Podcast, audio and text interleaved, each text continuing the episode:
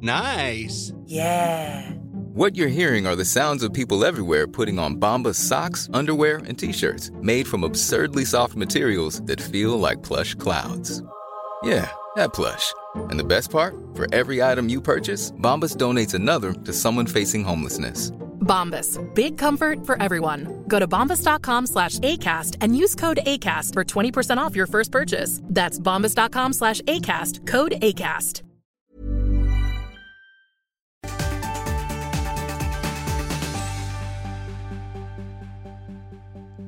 Jag tycker vi kör igång. Hej Malin! Hej Olga, Hur mår du då? jag mår bra. Hur mår du? Jo men det är bra. Vad skönt. Har du någonsin varit med om att någon har gett dig ett föräldratips? Oh, som du ja. inte har bett om? Oh ja. Ja? Ja, Kan du Oj. dela med dig? alltså det är alltid så svårt att komma ihåg. Det är ju så många man får. Men man får ju, det, det är alltså, framförallt med första barnet, tänker jag. Ehm, vår dotter Alba hon föddes ju och hade kolik. Mm. Ganska svår kolik, som vi nu har tjatat om. Så det är trauma, som ni märker. Vi tjatar om det. Men hon... eh, Och då fick man ju råd. Och det är ju sådär också att en säger mata ofta. Alltså Mm. amma henne ofta. Den andra sa amma henne sällan så hon inte får ner så mycket luft. Alltså du vet, och där i början med första barnet i synnerhet så lyssnar man, man är som en öppen, liksom, man bara slukar ju råd. Mm. Liksom. Ehm, och det, och det, ja, men det har jag också sagt någon gång, så tanter i affärer som när hon grät kom fram och sa att hon hade för mycket kläder eller hon hade för lite kläder Mm. eller hon vill sitta upp och hon vill ligga. Man bara så, men alltså vet du, du vet inte. Du har ingen Nej. aning. Alltså det, ja. Men det värsta är nog när det är främlingar Mm, som ger de här mm, råden. För mm. att när det är familj och vänner, alltså jag vet inte, alltså det är svårt att säga till i vilket fall, tycker jag. Mm. Har du liksom sagt till någon gång att du inte är intresserad av att få tips och råd? Mm, nej, det har jag nog faktiskt inte. Jag, tror jag är för artig för det. Ja men vad säger man till en Man främling som kommer fram bara helt Jag, jag, bara, du vet, då var jag så... Jag tror nog på de senare åren, men jag tror också... Jag vet inte om man utstrålar någonting med första barnet också, någon slags sårbarhet Mm. och kom hjälp mig. Att det är därför, så, för jag upplever inte att jag har fått lika mycket råd med barn två och barn tre. Ehm, att man kanske har en annan, jag vet inte, omedveten självsäkerhet för att man har gjort det förr.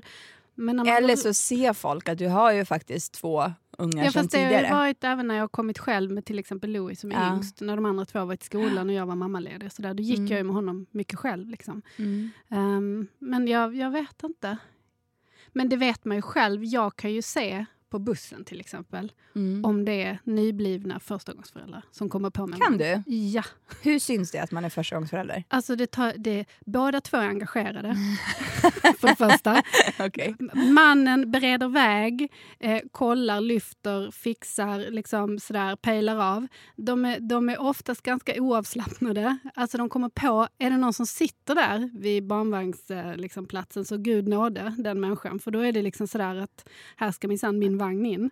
Eh, och sen så är de ju lite, det är lite, det- man ser en osäkerhet tycker jag. Och de gärna så håller en hand på barnet för att känna om det är Mm, varmt eller kallt. Eller, eller, eller lyssnar lite om det andas. Alltså det är väldigt så, och börjar det gråta då är det ju liksom så här, han upp med någonting och hon fläktar och sen fram en nappflaska och inte det och så en liten salva och sen kommer det vatten. Alltså du vet, det, det är liksom... Det är mycket Ja, som händer. Ja, ja, men det tycker jag. Om det är andra barnet, då, om man är mammaledig, då ställer man den där barnvagnen mitt på barnvagnsställningen och så går och sätter ja. sig längst bak i bussen. Precis. Och bara, ciao. Låser, kollar till. Ja men exakt, ja, men det är lite sover. så. Vad ska hända? Ja, nej, men jag, tycker, så att jag tror att det kanske är det, att man är mer liksom, och då ger folk gärna råd. Och då är det svårt att säga någonting för man är ju så osäker. Eller jag var jätteosäker med första Mm. barnet. Alltså, jag, jag tänker att man är det kanske överlag. Men jag, jag, kan det- inte te- alltså jag kan inte se framför mig något värre än folk som bara från ingenstans kommer fram till någon man inte Nej, känner jag på vet. gatan. Jag, skulle inte kunna, alltså jag, för, jag kan inte tänka mig att göra det själv. Nej, men inte jag heller. Jag förstår inte hur man... Och jag har aldrig ens tänkt tanken att så här, ja men gud, den där mamman skulle behöva lite hjälp på Nej. traven. Alltså man Nej. skiter väl i vad Och- folk gör och Ja. bryr sig om sitt eget. Eller? Ja, men jag tänker det också. Men jag tänker också så här när, när människor, när, som när min bror nu fick barn och sådär, så, så var min filosofi, Frida, hans, Mm. eh, hans sambo får Mm. rätta mig om jag har gjort om det kanske är så att jag misslyckats. Men min filosofi var att jag ska inte ge råd såvida inte någon frågar om det. Om någon Mm. frågar så kan jag gärna liksom, men jag ska inte hålla på sådär, nej men jag tycker att du ska, du vet, utan att man Mm. försöker liksom, Men jag har blivit mer medveten om det på senare år tror jag. För jag Mm. tror att jag själv har, alltså nu är man ju inte, alltså, jag försöker leva som jag lär. Och jag, alltså, jag tror ju definitivt inte på att ge tips och råd när de inte har blivit efterfrågade. Nej, alltså precis. vad det än gäller egentligen. Jag Ja. känner lite så här, eh, att ja, jag ber om ett råd när jag behöver det. Men Ja. alltså, i övrigt så känner jag lite så här, vet när folk kommer och bara, men ska jag ge dig tips? Man bara, nej, nej tack. Fast nej. Nej, Ja. Eh, och nu kanske jag outar någon men det är lite så här, jag hade en kompis som eh, var jätteinvolverad i hela liksom, föräldraskapet Mm, mm. och alla dess eh, vara och icke vara och alla måsten och liksom var en super, alltså Mm, supermamma. Men hon hade själv barn när ni fick barn då? eller? Ja, hon var den första som Ah, fick barn. okej, För då är det en Ehm, sak, det är värre med de som inte har barn som Ja, och hon kände sig Mm. väldigt så här, entitled, alltså när, sen när jag Ja, blev okej. gravid, att det vart en grej att jag inte bad henne om råd. Hon tog nästan illa upp för att jag inte gjorde det. Aha. Eh, Eller hon tog faktiskt illa upp för att jag inte bad henne om råd. Det var en Ja. diskussion som vi hade. Eh, men sen kommer jag ihåg en specifik gång där vi pratade om, eller vi hängde typ bara. Och då Mm. kommer jag ihåg att hon kom in på det här med namnlappar eh, på Mm. förskolan. Det är så här, märka kläderna. Ja. Vi är ju sämst på det. Om inte jag jag typ kommer på det när jag har köpt en ny jag vet inte, overall. Men jag Mm. märker ju definitivt inte alla kläder. Och jag tror att förskolefröknarna typ hatar mig. Vi Mm. har ju en som, eh, som tog upp det här på ett föräldramöte och sa Mm. att ja, men hon minsann, hon märker ju alla strumpor eh, i familjen. Till och med, liksom, ja, men Alltså- till och med sina egna och eh, barnens. För att hon har en nioårig dotter som har samma storlek eh, Mm. på fötter som hon. Så Mm. hon måste ju märka de här strumporna för Det att inte man ska ta fel. Jo, men, Men samtidigt så känner säga man att det lite blir det här, väldigt tomt i min låda och väldigt fullt i hennes låda. Ja men det- sen tänker jag också ja. så här, men dela med dig. Eller? Mm, Eller jag vet mm, inte mm, mm. riktigt. Kan man inte göra det så mycket Det om du får väldigt- på dig ditt barns strumpor en dag? Nej. Just det, den här, det här med namnlapparna. Vi hängde i alla fall en dag eh, och då kom hon in på det här med namnlappar till förskolan av någon anledning och eh, skulle tipsa mig om ett jättebra ställe, en sajt på internet där Ja, man kunde ja. köpa namnlappar för typ 10 kronor. Jag vet inte hur mycket det var men hon var ju helt frälst över den här Mm, sajten mm. och det var ju typ det viktigaste som hade hänt ever. Eh, så hon höll på och Mm. du vet, så här, bara, "Ah, men, gå in på den här sajten och det är jättebra och det är liksom, och alla på eh, min dotters förskola älskar de här namnlapparna och jag har liksom så här, delat med mig av det här tipset till så många och det är verkligen Ja. ett supertips. Och du vet, hon gav inte upp utan så här, Mm. under hela, alltså jag svär. Hon ville att du skulle göra det där och då medan hon under Ja, men hennes liksom, och jag kände mig så ointresserad av de här namnlapparna som jag skulle beställa i typ 10 pack på nätet eller vad det Ja, var. Och du, ja. och du bara kände så här, ah, ja, ja, okej, ja men visst. Mm. Men hon fortsatte. Så det här, de här namnlapparna de kom upp viktigt. under liksom hela vår dag. Under tre timmars gång så kanske de kom upp typ fem gånger. Har du memorerat nu vad du ska Ja, beställa? men, sen, men på Ja. riktigt är det här ett supertips. Superhett tips till dig som mamma som ska märka ditt barns kläder Men det var kanske hennes Ja, uppdämda behov av att ge dig råd Ja, eftersom men du inte hade varför? frågat. Men du hade ju inte, du hade inte, hon hade inte fått bli den mentor som hon tänkte att hon nu skulle bli. Men är namnlappar verkligen Ja, en väg in det till det här mentorskapet? Ja, för henne var det nog det. Ja, men och det känner jag lite så. Det Jag var kanske ju, hade underlättat hennes liv jättemycket för att hon annars satt med den här, du vet de här pennorna som liksom, där man inte kan skriva på trikå för det bara så här, det blir helt snett och konstigt. Jag vet inte. Ja, för jag är tvungen att märka kläder nu därför att min dotter hon tappar ju bort allt. Alltså, Ja. hon kan ju på, en dag kommer på riktigt hem utan byxor. Alltså jag vet inte hur det går till. Jag, jag bara så här, hon hade strumpbyxor under men jag bara så här, hur går du hem utan... Jag, jag orkar inte. Så det är så mycket borttappade kläder under årens lopp så att jag måste märka alltså stora viktiga saker som ytterplagg typ Exakt, men så. inte strumpor. mössor. Eller? Nej, nej. nej. Bra. Vi är, Nej. På, sam, vi är på samma sida här. Nej, men, nej, men så de stora essentiella sakerna som Ja, liksom är exakt. jobbiga och, och dyra att köpa nya. Alltså som en jacka. Ja. Eller byxor kanske. Fast byxor märker jag faktiskt inte heller. Det är sällan Nej. någon tappar bort byxor. Så att, ja, men exakt. ja. Och jag har ju varit ganska tydlig med, jag tror de flesta, att jag ogärna tar emot tips och råd. Mm. Om jag Du säger inte... ifrån. Du är bra på det. Nej, men alltså jag säger inte ifrån om det. Alltså det är det som jag menar med liksom Mm. att säga till, ifrån till en främling. Det I gör man ju inte liksom, vad det än gäller. Jag vet inte riktigt. Det är lite så här, "Ah, ja, tack. Och sen så går man och stör sig Ja. på den personen istället. Jag kan nog någon gång i ett svagt ögonblick när jag har varit sådär überstressad fräst ifrån liksom, och sagt att ja, men du, jag tror att jag känner mitt barn bättre än du. Det kan nog ha hänt. Det känner jag sådär någonstans i bakhuvudet. Men, Men, inte, men fick du mycket, har du fått mycket tips och råd? Tycker du? Ja, alltså och under, och det började ju redan under graviditeten. Men det är som Mm. du säger, jag tror, eller nu efter att ha, nu har vi gjort podden ett tag Mm. och haft med gäster, till exempel Martina och Karl som var med i Mm, förra mm. säsongen. De pratar ju om att de inte alls får några råd. Så jag tror ju att det avtar ju längre Mm, fram i mm. föräldraskapet man kommer. Det är som du säger, jag tror att det är lite det här äh, nybliven förälder-syndromet. Lite Ja, att man kanske är lite ser, mer Ja. Ja, men att man kanske är lite mer mottaglig, att man är Ja. som den här lilla stackars julgranen som man vill hjälpa. Du, vet, att du ser en sån person på bussen och bara, men gud. Gud, jag- Men jag Ja. skulle ju ändå inte kasta mig fram.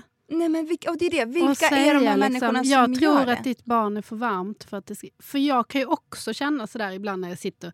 Det är mycket buss, det är som att jag åker buss hela tiden. Det gör jag inte. Men, men det är ofta där man liksom konfronteras med det. Att man sitter där och så är ungen superpåklädd och skriker och skriker och helt röd i ansiktet. Och, Mm. och mamman är så här stressad och så känner man så här, jag tror, jag tror att hen är varm. Jag, jag, jag tror att, alltså man kan ju tänka det, men jag skulle därifrån till steget att jag skulle liksom kasta mig fram, börja slita av ungen kläder och tala om Mm. för henne att, att, att du, du, du, han är för varm eller hon är för varm. Det är ju långt. Men alltså. vad tänker du om den mamman då? Alltså tänker du något speciellt? Nej, jag, tänker, jag bara känner igen mig själv Ja. och tänker att så där var jag också. Och det där Men man vill ju heller. inte vara den här störiga personen som går fram och säger Nej. någonting. Nej. Nej. Det är det jag menar, vilka är det som faktiskt Nej, går men det fram och säger nej, någonting? Nej, jag vet inte. Eller så, eller så Men det är ju sådana människor också- som, som filosoferar, som jag tror har i hela sitt liv så har de den här filosofin. Du vet folk som säger så här, alltså jag är bara sån så att jag... De människorna Ja. som tror att, att man till varje pris måste vädra sin åsikt i allt. Och det gäller inte bara barn, utan de har säkert åsikt om allting. För de tycker att då är man en ärlig, härlig och rättfram människa. Liksom. Jo, fast jag kan, tänka, jag kan tycka att jag är ganska ärlig och rätt fram utan Mm. att eh, Ja, Fast du är det ju på pracka riktigt. på folk. Ja, ja. tack Ja. Malin. Men det är sant. Men de människorna, eller nu kategoriserar jag ju. Men Hej sen vilt, så tänker jag så säga. också det här med att erbjuda hjälp till någon. Mm. Eh, skulle det hända något allvarligt Ja. eh, eller att, ett- att ett barn far illa på något Mm. sätt, då är det klart att jag alltså, skulle vara där på två sekunder. Eller Ja. om någon ligger på marken och har liksom Jo fallit. Och det är klart att man går fram. Även om man ibland, ibland i sådana situationer också så kan jag tycka att man är mest i vägen. När det redan är typ tre, fyra Ja. personer som står där.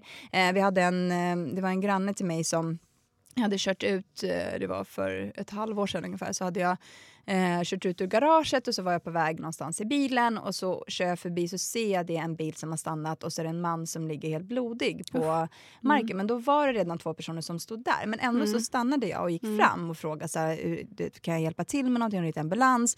Och då var det en gammal man som hade snubblat fallit rakt på ansiktet fy. så han var helt liksom, alltså, ja, men, det, sönderkrossad och blodig och allt. Ehm, men då sa ju de som var där, de bara, men det, var, det, är ju liksom, det är så sjukt att bilar bara kör förbi. Mm. Man vill, inte, man vill inte vara den här bilen som kör Nej. förbi. Eh, och då är det så även om jag egentligen, jag gjorde ju ingenting utan jag stod ju kvar och liksom Mm. Men man vet såg inte, ifall- de kanske hade behövt en, en mobiltelefon. Ingen av dem Ja, hade. men alltså, man exakt. vet ju inte sådana Ja, och sen saker. kom ju ambulansen och allt Ja. det här. Eh, och så åkte jag iväg. Men det kändes ändå som att jag på något sätt ändå bidrog till att alltså, du vet, vi ser dig Ja. och jag hjälper om det är någonting som jag där- kan ja. göra. Men det är en helt annan Det är en helt grej. annan grej. Där har vi två helt olika Ja, men situationer. exakt. Och det är det när jag det menar. verkligen är sådär fara för livet. Eller liksom, för vi, som i, i, när vi var i Båstad i somras så var det en liten kille som eh, trillade, där är en sån här träbrygga nere i hamnen Mm. och han trillade i. Jag kommer inte ihåg vad han skulle göra för någonting men han trillade i och hans föräldrar var ju där och hans lillebror eh, och pappan fick upp honom och sådär men vi bor precis Ja. där. Och då gick faktiskt min svägerska, jag var lite sen på bollen för jag jagade Louis, men då gick hon fram och frågade kan vi hjälpa, vi bor precis här borta om Mm. han vill komma in och liksom få en varm, för han var ju helt chockad och det var mamman var också i liksom chock och sådär. Så då följde de med oss hem och min, min mammas man är läkare och min mamma är sjuksköterska. Så kunde de, Mm. Ja. han hade slagit i huvudet i stenar och så där nere. Eh, Så de bara kunde kolla. Liksom. Mm. Um, Men det är ju stor skillnad mellan en sån sak och som du som stannar vid den här mannen och att liksom böja sig fram och säga till någon Hörru du, jag tror att om du inte ger ditt barn godis så kommer du vet. Alltså det är stor skillnad mellan att faktiskt aktivt hjälpa i en nödsituation Ja. mot att liksom böja sig fram och säga till någon nu pratar vi mest om främlingar som ger råd men även liksom så jag tycker inte jag varit med om det så mycket inom familjen. Inte? Men jag var, Jag tycker att föräldrar är väldigt bra på att, eh, på att tycka till faktiskt. Jo. Också. Jo, kanske. Speciellt när det är... um, Och jag kommer ihåg, och det här är ju eh, inte alls... Alltså det här är, jag kommer ihåg när Zion var, han kanske var tre, fyra månader och så Ja. var vi i... Han hade fått någon konstig urinvägsinfektion Nej, som egentligen är ganska ovanligt fick vi reda på hos Mm. eh, killar att man får det på det sättet. Men Mm.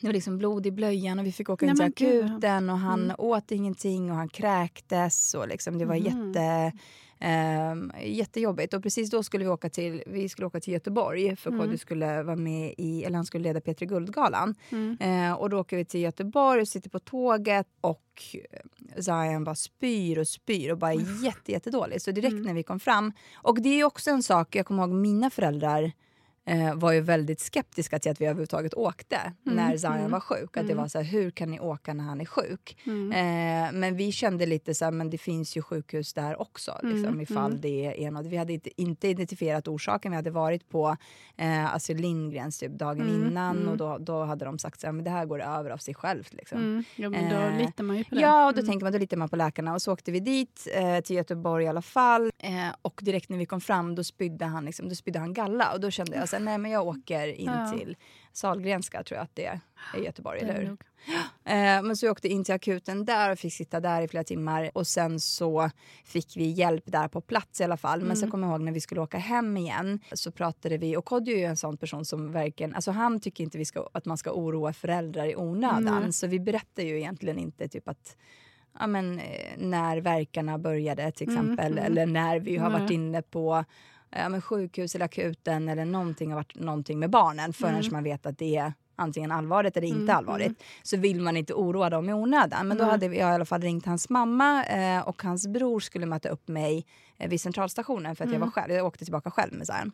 Kodjos bror skulle möta upp mig och då kom jag ihåg när jag pratade med hans mamma på vägen så var hon jätte... Och de blir ju, grejen är, de blir ju jätteuppstressade för att Mm, de också mm. känner, vet, om man som förälder känner sig ganska värdelös i Mm, sådana mm, situationer för mm. man kan ju typ inte göra någonting så tror jag att man som mor eller farförälder känner sig ännu mer Mm, eh, hjälplös mm, mm. för att det också inte är Ens ditt- barn. Ja, och så och tycker det- de inte att man gör rätt. Exakt, och det och, då, det som... och så kan de inte riktigt liksom, Nej, och styra sättet det, jag. framfördes på var också så här, för jag kommer ihåg, och då kände jag lite, så jag tog upp det med Kodjo efteråt, att jag kände så här, det, hennes kommentar då, Kodjos mammas var, eh, varför kollar du inte med, eller varför har du inte pratat med Kalate om det här, alltså Ja. Kodjos bror, eh, för han har ju erfarenhet Ja. av pojkar och det här har aldrig minsann hänt någon av hans barn. Så nu har du gjort något fel. Och så kände jag, och Ja, det var ju det säkert som- det- inte Så tolkar man ju. Ja, Men det var nog inte så Nej, menade. och det var ju Nej. säkert inte så hon menade. Men jag tror också i kombination med den här oron för sitt barnbarn Mm, och att liksom mm. den här situationen uppstod så tror jag också att hon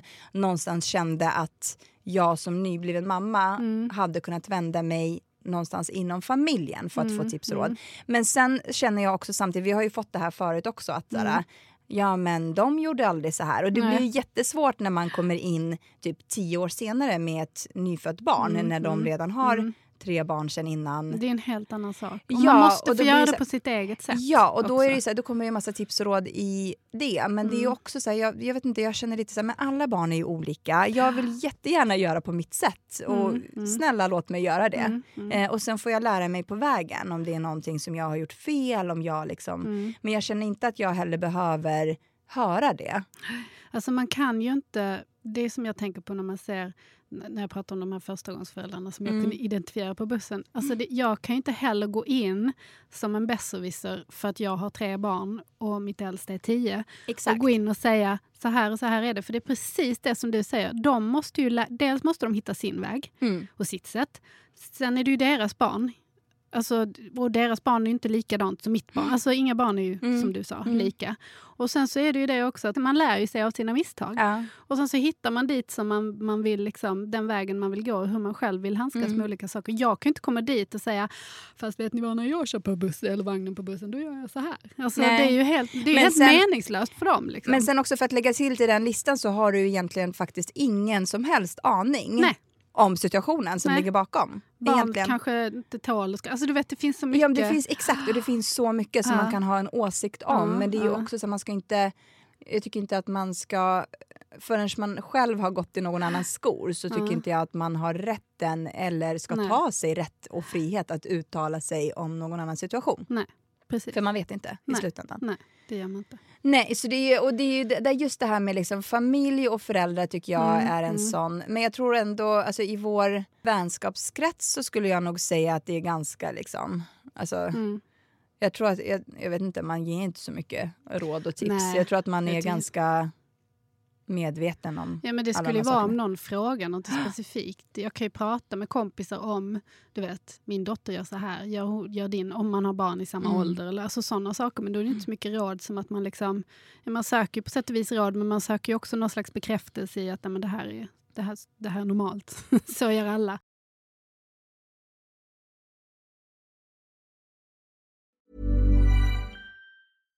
Hey Dave, Yeah, Randy. since we founded Bombus, we've always said our socks, underwear, and t shirts are super soft. Any new ideas? Maybe sublimely soft. Or disgustingly cozy? Wait, what? I got it. Bombus. Absurdly comfortable essentials for yourself And for those facing homelessness. because one purchased equals one donated. Wow, did we just write an ad? Yes. Bombas. Big comfort for everyone. Go to bombas.com slash ACAST and use code ACAST for 20% off your first purchase.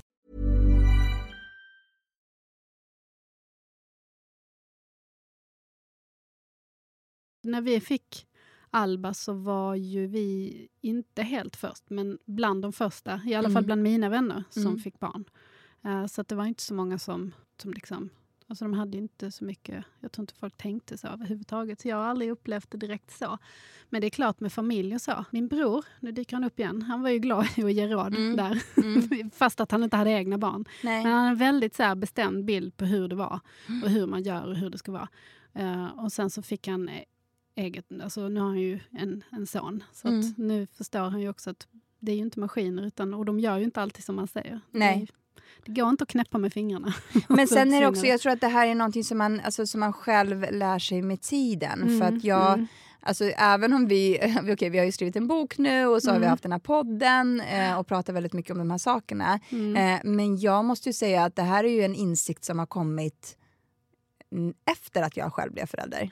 Det här är ju inte alls någonting, jag var ju jättedum i huvudet. Alltså, helt, ja, men, alltså, jag kunde ju säga ja, men, alltså, saker och ting som jag tror att jag själv har hävt ur mig eller sagt Ja, eller liksom ja. kommenterat är ju inte heller jättekosher egentligen. Jag kommer ihåg att Nej. jag träffade en det här är ju också en så jätte... Och jag vet nu efter, i efterhand när man tänker på det, bara, hur fan kunde jag säga så? Jag träffade en kompis kompis eh, när jag var höggravid. Mm. Och hon hade redan två barn. Eh, så kom jag ihåg att jag var höggravid och vi sågs eh, bara lite så här spontant. Och då sa hon till mig, kommer du ihåg vad du sa till mig när jag var höggravid? Och jag bara, nej. Hon bara, du sa, shit, kan man verkligen vara så där stor när man är gravid? Aj, aj, aj, aj, ah, och jag bara, nej. Jag bara, nej. Nej, det sa Nej, inte. så kan inte jag ha sagt. Hon bara, jo. Du sa så. Hon bara, vet du hur det kändes för mig att höra det? Ja. Förstår du att, så här, du vet, att jag själv har... Och det grejen är att det här, alla det de här insikterna har ju kommit eh, alltså, i och med graviditeterna och allt som man bara upptäcker, allt dumt som folk säger. Jag har ju säkert själv någon gång frågat någon, eller det tror jag faktiskt inte att jag har, frågat Nej. någon om de är gravida fast de inte har varit det. Det tror jag att Nej, jag faktiskt inte har gjort. Jag kan inte att minnas ett sånt ett sånt Nej, tillfälle.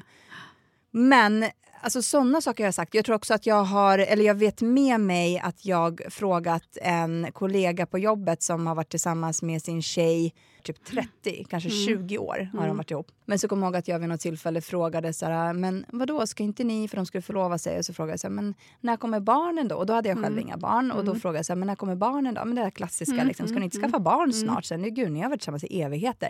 Och så märkte jag att han blev ganska obekväm eh, och bara skruva på sig och liksom inte ville svara på den frågan. Och jag var så här, ja men jo, kom igen då. Så här. Ja, och sen så avslutades den diskussionen. Men, och jag fick aldrig något riktigt svar på varför. Och i efterhand nu så känner jag så här, hur fan kunde jag fråga det? Hur kunde jag ställa en sån fråga till en människa som kanske, kanske kan inte de få barn. Nej, nej, det vet man kanske, inte. Nej, man vet inte. Och jag, alltså, du vet, såna här saker som man säger när man... Men är ju det, bara- men det är ju lite så, man, man, man är ju aldrig en så bra förälder som innan man har fått barn. För det var ju jag också. Jag var ju helt säker på exakt hur jag skulle handskas och jag ska aldrig göra si och jag ska aldrig göra så. Och jag kommer vara sån här mamma och jag kommer göra så här. Mm. Och sen så får man barn och så liksom kommer verkligheten ångande och, och slår en i huvudet. Liksom. Så, som med Alba, att hon hade kolik. Jag var ju så himla inställd på att nej, men, vi ska inte förändras, alltså vår livsstil, Mm. vi ska gå ut på restaurang och vi ska liksom bara sådär. Därför kan jag bli så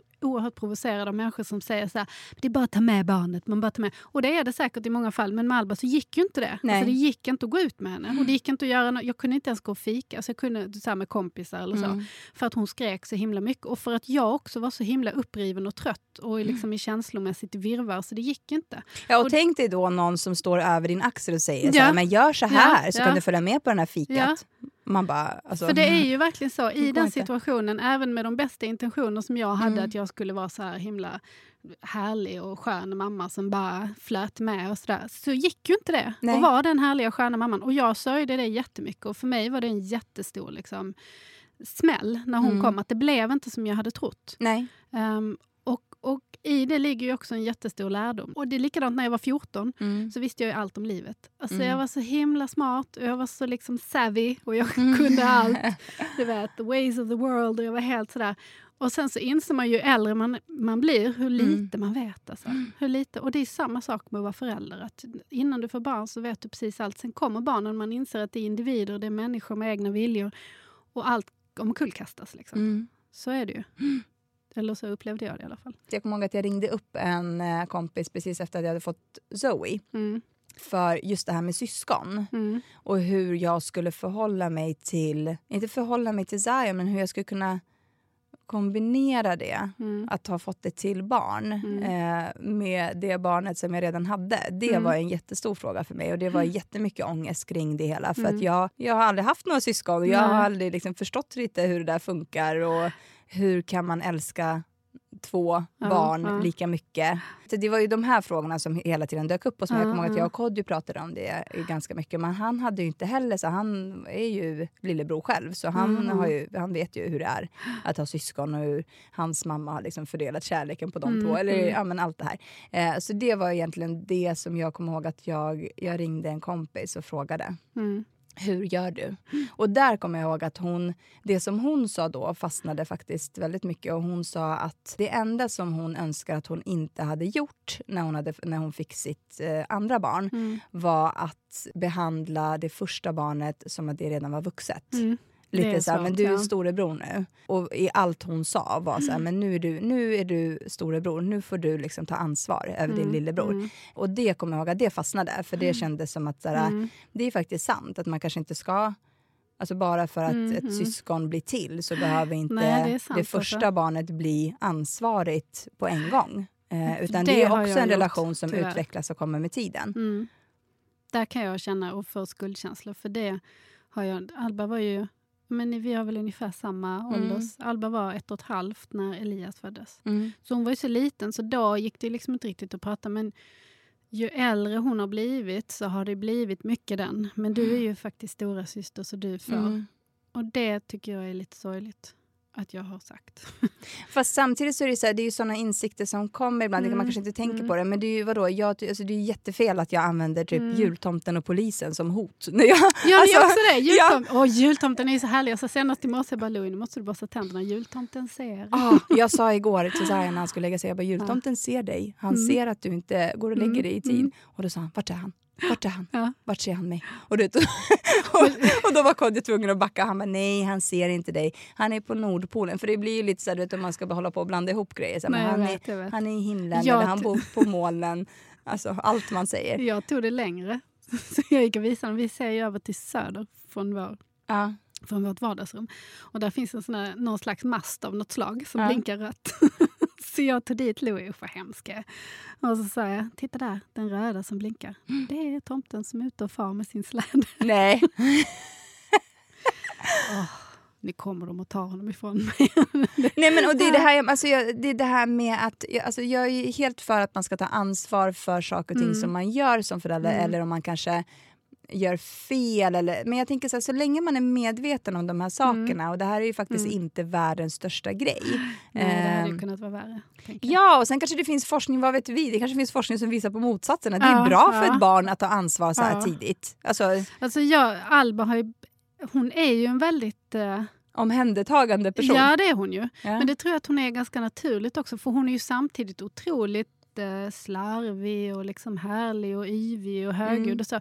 så jag känner inte att det har liksom tvingat in henne i något fack där hon är sådär som jag var när jag var liten. Jag hade ju ett Mm. enormt sådär, överjag och var väldigt sådär, mån om att göra rätt och, Mm. och kunde aldrig göra fel. Och jag var blyg och jag var liksom så här inåtvänd och lite sur. Jag uppfattades nog som väldigt sur och tjurig. Liksom. okej. För att jag var så himla blyg och så himla liksom så, Mm. rädd för att inte göra rätt. Och sån är ju inte hon alls. Eh, och jag är ju stora syster. Och jag, Mm. upplevde ju, jag upplevde många gånger min stora systerroll som ett ok. Alltså att det var jobbigt. Eh, för att jag fick ta så mycket. Min lillebror var alltid så här rolig och härlig och alla skrattade när han Mm. kom. Liksom, och jag fick alltid höra att jag var så här tjurig och svår att ha att göra med. Och, och så. Då blev jag ju sån ännu mer liksom, eftersom det på något sätt förväntades av mig. Mm. Jag var jätteduktig i skolan. Alltså du vet sådär. Men jag har, ja men alltså, och det, det här med syskon känns ju verkligen som en jätte, ja jag vet inte, vi kanske borde ha ett helt eget avsnitt Mm, om det här. mm. För att det är ju som när vi skulle sätta Zoe på, hon fick ju först plats på en annan avdelning Mm. än vad Zion går på. Och då frågade jag på förskolan, så här, men vad, liksom, vad rekommenderar ni? Mm. Eh, och då var det någon pedagog eh, som sa att eh, det finns lite olika studier på det men om två barn eh, är på samma avdelning och barnet är... Så att, att, Zion inte, att Zion hela tiden skulle känna att han behöver ta ansvar över mm. henne och att Zoe inte skulle kunna bli, alltså, bli lika Mm. självständig. Så skulle jag nog tolka det om jag... Ja men precis, men sen Liksom. nu i efterhand, nu, äh, de är på samma avdelning Mm, och jag mm. frågar så här, men leker de ihop? Mm. Och hon bara nej. Zion, alltså Zion leker, han har ju sina egna kompisar. För det är det Eh, man vill, att de ska få Ja men fria exakt. individer. liksom. Samtidigt så har ju han blivit väldigt, liksom, det är ju en helt annan grej, men han har ju Mm. fått en bästa, han har ju en bästa kompis som han Mm. älskar typ över allt på denna jord. Eh, så han är väldigt tajt med den här killen Mm, och mm. problemet där är ju att den, alltså, Liam kommer ju flytta över till en större avdelning för han är ett år Ja, äldre okej. eh, så småningom. Mm. Eh, och det togs ju upp på något föräldramöte att det är liksom, de skulle vilja se att Zion var lite mer självständig, att han Mm, inte hela mm. tiden kände att han ville vara liksom fast vid Liam. Så Så det är ju lite- kommer ju. Ja men exakt, men sam samtidigt så Zoe är jättesjälvständig. Mm, mm. Även fast hon är, och de liksom lägger inte ens märke till varandra när de är där på dagarna. Ja, det är skönt. Ja, och så ibland så säger hon så här, men, eh, eller Zions eh, pedagog då, eller fröken, eller ja. Ja. Eh, hon säger så här, men ibland lägger han märke till henne och bara, "Ah, men där är ju Zoe. Förstår du? Då är det så här, en hel, ja men exakt, det är så, då har det en, en hel dag gått. Så det är lite Ja. så här, jag vet inte riktigt. Jag Det tror är att man får testa, skolor, liksom, ja, och man får det- testa ja. sig fram. Och det, Det, är känns som att också personlighet, det måste man ju komma ihåg. Att man har ju olika personligheter och Exakt. olika liksom, benägenhet att ta på sig ansvar eller inte ta på sig ansvar. Eller liksom, så. Så Ja. det, Men sen vill man ju inte att det här är någonting som senare i livet, så 20 år från nu, Nej. att vi har ett samtal där Zion säger så ah, men det här med att liksom när Zoe kom till, eller Mm. när, inte när hon kom till, men när hon, när hon kom ut. när hon kom ut. Ja. Jag hoppas inte han minns när hon kom. Det väl, det, är en helt annan, Ja. det är ett helt annat R i Ja själen. men exakt for life. Ja. Eh, Men nej, eh, när hon när vi kom hem med Zoe, att det liksom inte någonstans påverkar honom Mm. senare i livet. Jag vet inte. Jämfört Fast- med om han hela tiden hade varit... Jag vet inte, om vi hade Ja. betett oss så, som om han vore ensam barn. Mm. Men det är ju det som är lite så här, man får ju... Det där är svårt. Jag tror att barn kommer ju alltid komma och skylla, eller skylla och skylla, men de kommer ju alltid ha synpunkter på vad ens föräldrar gjorde och inte gjorde. Det, det har man ju själv, eller jag har det i alla fall. Alltså, Mm. Det enda man kan komma ihåg är att man bara försöker så gott man kan. Precis. Men det jag tänker på nu, det här med omhändertagande och så, nu när, när Louis kom, för Mm. Alba var ju sju då och Elias var fem och ett halvt. De tar ju hand om honom extremt mycket. Alltså de Mm. tar ju, tar ju sig an honom och, och de kan liksom han, de går ju på förskola och skola i samma liksom område så de springer ner på rasten och ser till att han har det bra. Så de känner ju ett enormt ansvar gentemot honom och det tror jag kommer ganska naturligt, hoppas Mm. jag. Ehm, men sen så har vi också, så- alltså jag tror också det är bra för barn vid någon punkt att de känner att de ska tänka på någon annan än sig själva. Ja. Och att, och att lära sig empati och lära sig att ta hand om andra och lära sig liksom kliva ut ur sitt eget, liksom, ut från sin egen Mm. person och se andra. Jag tänker att det kan vara viktigt också. Ja. Liksom. ja, men definitivt. Man får ju ta det som det kommer lite grann. Ja, Alex sa ju tänka- hela tiden, när, för jag hade ju också sådär ångest när, när, när Elias kom, att Alba var Mm. så liten och jag kände att jag var taskig mot henne som inte lät henne vara själv längre. Mm. Att, att man liksom, och han var ändå planerad. Eh, och Alex var ju tvärtom, han ville jättegärna att den skulle vara tätt. Och, och han kunde ju bli sådär, han bara, men det bästa som finns i livet är ju syskon. Ja. Det är inte synd om henne. Hon Nej. har ju fått någonting. Ja. Det är inte det att vi har tagit någonting ifrån henne, utan hon har fått någonting. Eh, en lillebror liksom, som Mm. hon kommer att ha Exakt så hela sa livet. Kodjo. Ja. Och det är jättefint att se det bandet Mm, mm, nu och kommer mm. vara jättefint att se framöver också. Ja, det är det. Ja. Jag har ju alltid önskat att jag hade syskon. Har du det? Mm, alltid. Sen jag var liten. Du har aldrig känt att det är rätt så skönt ändå? Jag kan tänka så här, när Alba som har, eh, hon, hon har, jag och Elias också, de har kompisar som är ensambarn som kommer hem till oss. Det är ju alltid väldigt stökigt och, st- och Louie är ju med överallt och Mm. hon tar sönder saker och de får inte vara i fred och, Mm. och sådär. Ehm, att de känner så här, skönt ändå. att inte ha Ja, men kanske vid sådana tillfällen. Men jag Ja. tror att vid olika, liksom, olika faser i livet så har jag alltid tänkt att gud vad skönt det skulle vara att ha någon. Vill du ha en mig större eller, eller min, alltså ett stora syskon eller ett litet? Jag vill ha en storebror, Mm. kommer ihåg. Men det gick ju... Alltså, det, svårt. ja, det är svårt. Svårt. Ja. Men då har vi kommit in lite på syskon. Vi kanske ska ha ett avsnitt om ja, syskon. kanske. Ja. Då kan man ta hit barn och fråga, hur upplever du dina syskon? Nästa avsnitt, Ja, då spelar vi in med barnen. ja Det var allt det för var oss allt idag. för idag. Vi hörs nästa vecka. Ja, Ja, samma tid, samma plats. jajamän. Hej då! Hej då!